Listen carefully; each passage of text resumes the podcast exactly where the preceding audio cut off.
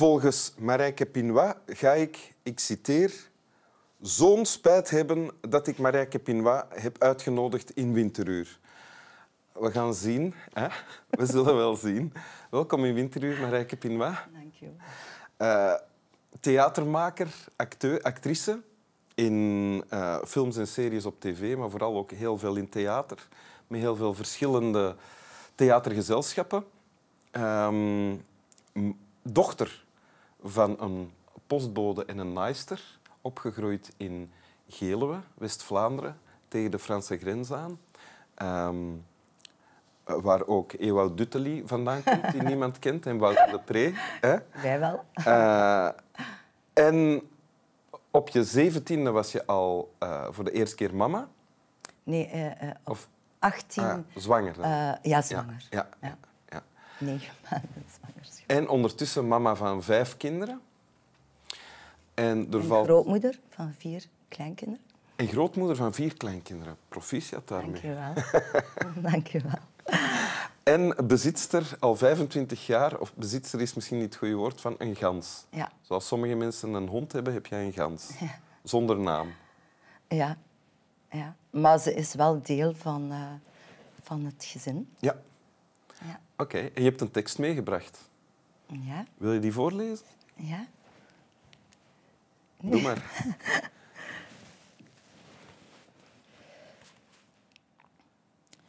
Maakt uw hoofd leeg, zegt u. De stilte heeft uit het niets een stem verkregen. Verstand is hier liggend op het bed. Af en toe een paniekaanval. Wat doet de stilte hier?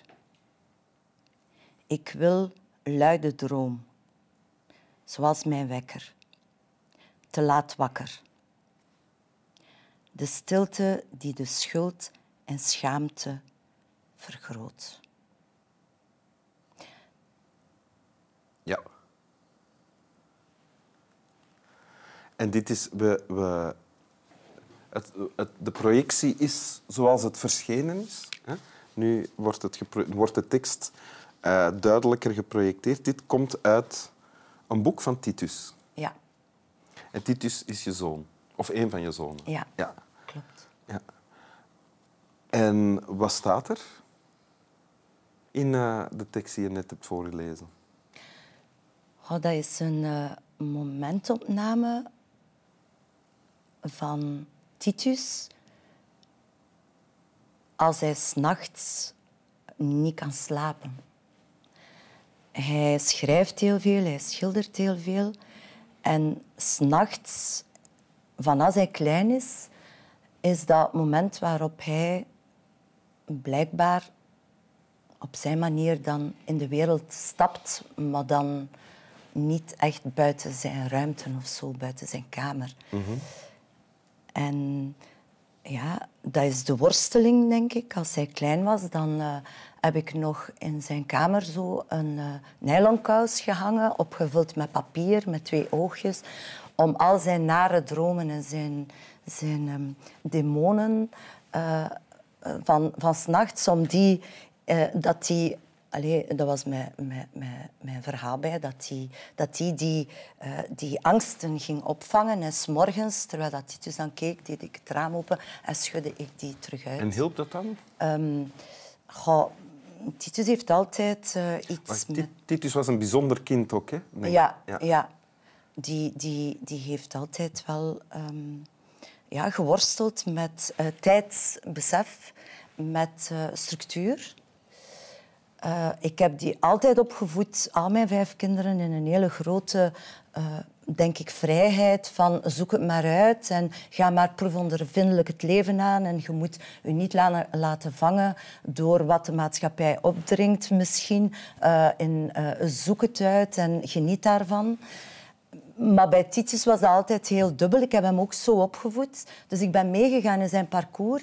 Maar op een bepaald moment merkte ik wel dat um, de details waar hij zo bij stilstond, dat dat niet altijd eh, dat, dat dat niet gelijk stond aan een detail van een geheel en dat dit ontkoppeld werd van elkaar.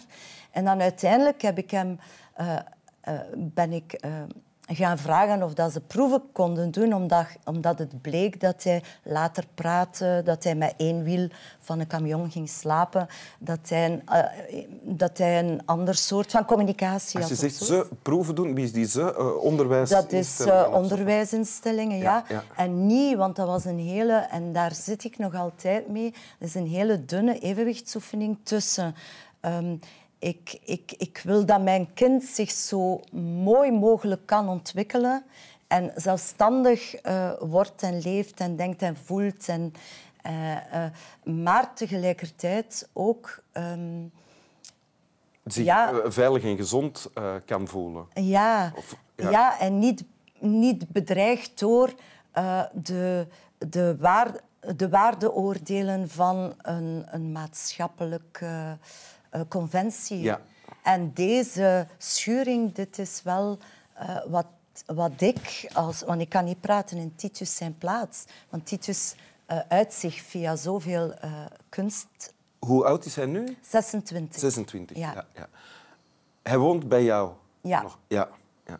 Hij woont bij mij. Hij heeft een tijd in het pand gewoond, samen met, met artiesten en pandemisten en anarchisten. En, uh, in een pand die dan eigenlijk in Gent verkocht is en opgekocht is voor... Ik, ik zou kunnen vragen, wat zijn pandemisten? Want dat is, maar, maar, daar gaan we het nu niet over hebben. Maar ik eens over de tekst. Zal ik eens zeggen wat, wat ik erin lees? Want hij schrijft, hij uitziet als schrijvend dan.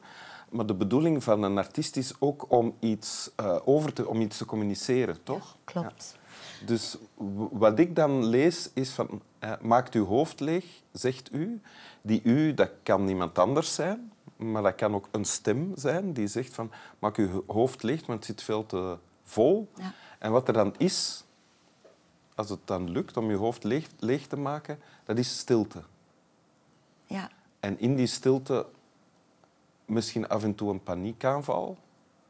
En ook de vraag, wat doet die stilte hier? Ik wil iets anders. Ik wil een luide droom, zoals mijn wekker. Wat mij dan leidt tot uh, de idee van ja, als ik te laat wakker ben, uh, ja, dan ga ik me schamen en me schuldig voelen. Uh, dan is de stilte de oorzaak van het groter maken van die schuld en schaamte. Ik kan nu heel snel er doorheen op een manier om, om duidelijk te maken wat ik erin lees. Ja, zo mooi. Herken je wat ik zeg? Ja.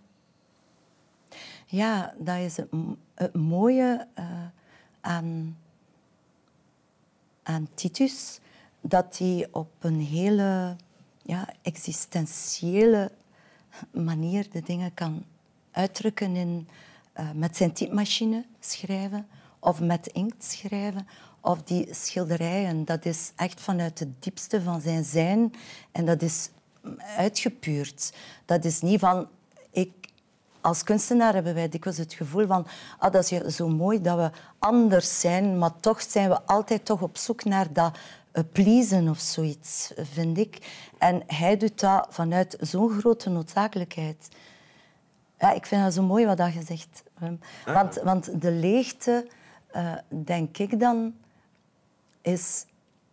We kunnen de dingen ook omdraaien, omdat ik zoveel met Titus gesprekken heb en hem probeer aan te voelen of niet. En, en ja, um, denk ik dat het leven... Uh, uh, hoe de zogezegde mensen die geen, uh, geen obstakels hebben of niet zoveel obstakels in het functioneren in het alledaagse leven, want daar heb ik het vooral over, uh, dan, dan uh, wij, wij stoppen ons zo vol, vol, omdat moet, omdat we mee willen met die rush.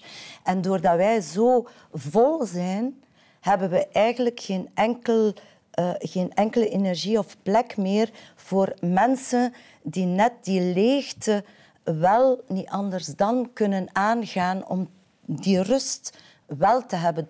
Bij Titus is dat dan s'nachts, vooral als iedereen slaapt of de meesten slapen. En ik denk dan, we kunnen het ook omkeren. Ik leer ontzettend veel van Titus, zijn zijn, hoe hij de, de wereld bekijkt, hoe hij ehm, de dingen tot zich laat nemen, dat is En wat leer je dan? Je zegt ik leer veel. Kan je... Eh, Dat hij... Ja, dat hij... ehm, ja, die stuurt mij nu... Hij, zit nu met, hij heeft een, een vriendin een paar maanden en ze zijn samen naar Schotland nu. En hij stuurt heel veel foto's door en filmpjes. En dat is eh, bijvoorbeeld heel de tijd nu over eten. Of heel de tijd over een landschap. Maar hij blijft gaan, want hij heeft ooit een project gemaakt in het KASK. Een autonome vorming. Maar hij heeft nooit geen diploma gehaald, want dat is te veel. Theorie. In praktijk was dat fantastisch, want die noodzakelijkheid, wat we verwachten van, van, van artiesten, heeft hij zo extreem. Hij heeft een tocht gedaan van het laagste punt van België naar Wacht het hoogste punt. Ja, ja. En hij heeft daar... eh, en dat bewonder ik zo. Ik had iets van, laat dat filmen. En hij had iets van, nee, waarom zou ik dat doen? Het is in het moment zelf dat ik dat wil aangaan. Ik wil mensen ontmoeten die ik niet ken. Ik ben daar heel erg in geïnteresseerd om onderweg tegen te komen via mijn kunstwerk die ik gemaakt heb. Dat is een, ik zag dat daar niet echt in, maar een heel lang voorwerp die een, een, de mannelijkheid voorstelde, zei hij. En hij liet dat achter zich met een koord slepen, zodanig dat die mannelijkheid meer en meer, die piemel, afgeschuurd werd door de straat, door waar hij liep. Die piemel. Ja. Of die staart. Die staart of die piemel, inderdaad. Ja. en hij ging van, via die weg discussies aan met mensen tot het hoogste punt. En dan ben ik bijvoorbeeld naar Luik gegaan. En hij smeet dat in een vuilbak. En ik had de neiging direct... Oh my god, nee, die heeft daar zo aan gewerkt. Ik ga dat weer uit die vuil- vuilbak gaan halen. Het is zo... Ja, dit, Titus beslist om dat daar achter te laten. Waarom zouden die dan weer terug gaan uithalen? Ja. En dat soort vragen u stellen en, en ernstig nemen, dat is, is dat wat hij jou leert? Hij leert mij ontzettend veel van de, dat wij op, op een een of andere manier wel heel geconditioneerd eh, eh, door het leven stappen. Zelfs als we denken of pretenderen van dat niet te doen. Ja. Ik snap het. Ja? Ja. Lees het nog eens voor.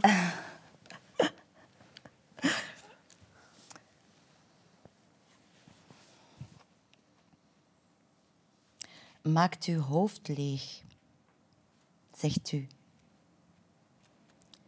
De stilte heeft uit het niets een stem verkregen. Verstand is hier liggend op het bed. Af en toe een paniekaanval. Wat doet de stilte hier? Ik wil luide droom. Zoals mijn wekker. Te laat wakker. De stilte die de schuld en schaamte vergroot.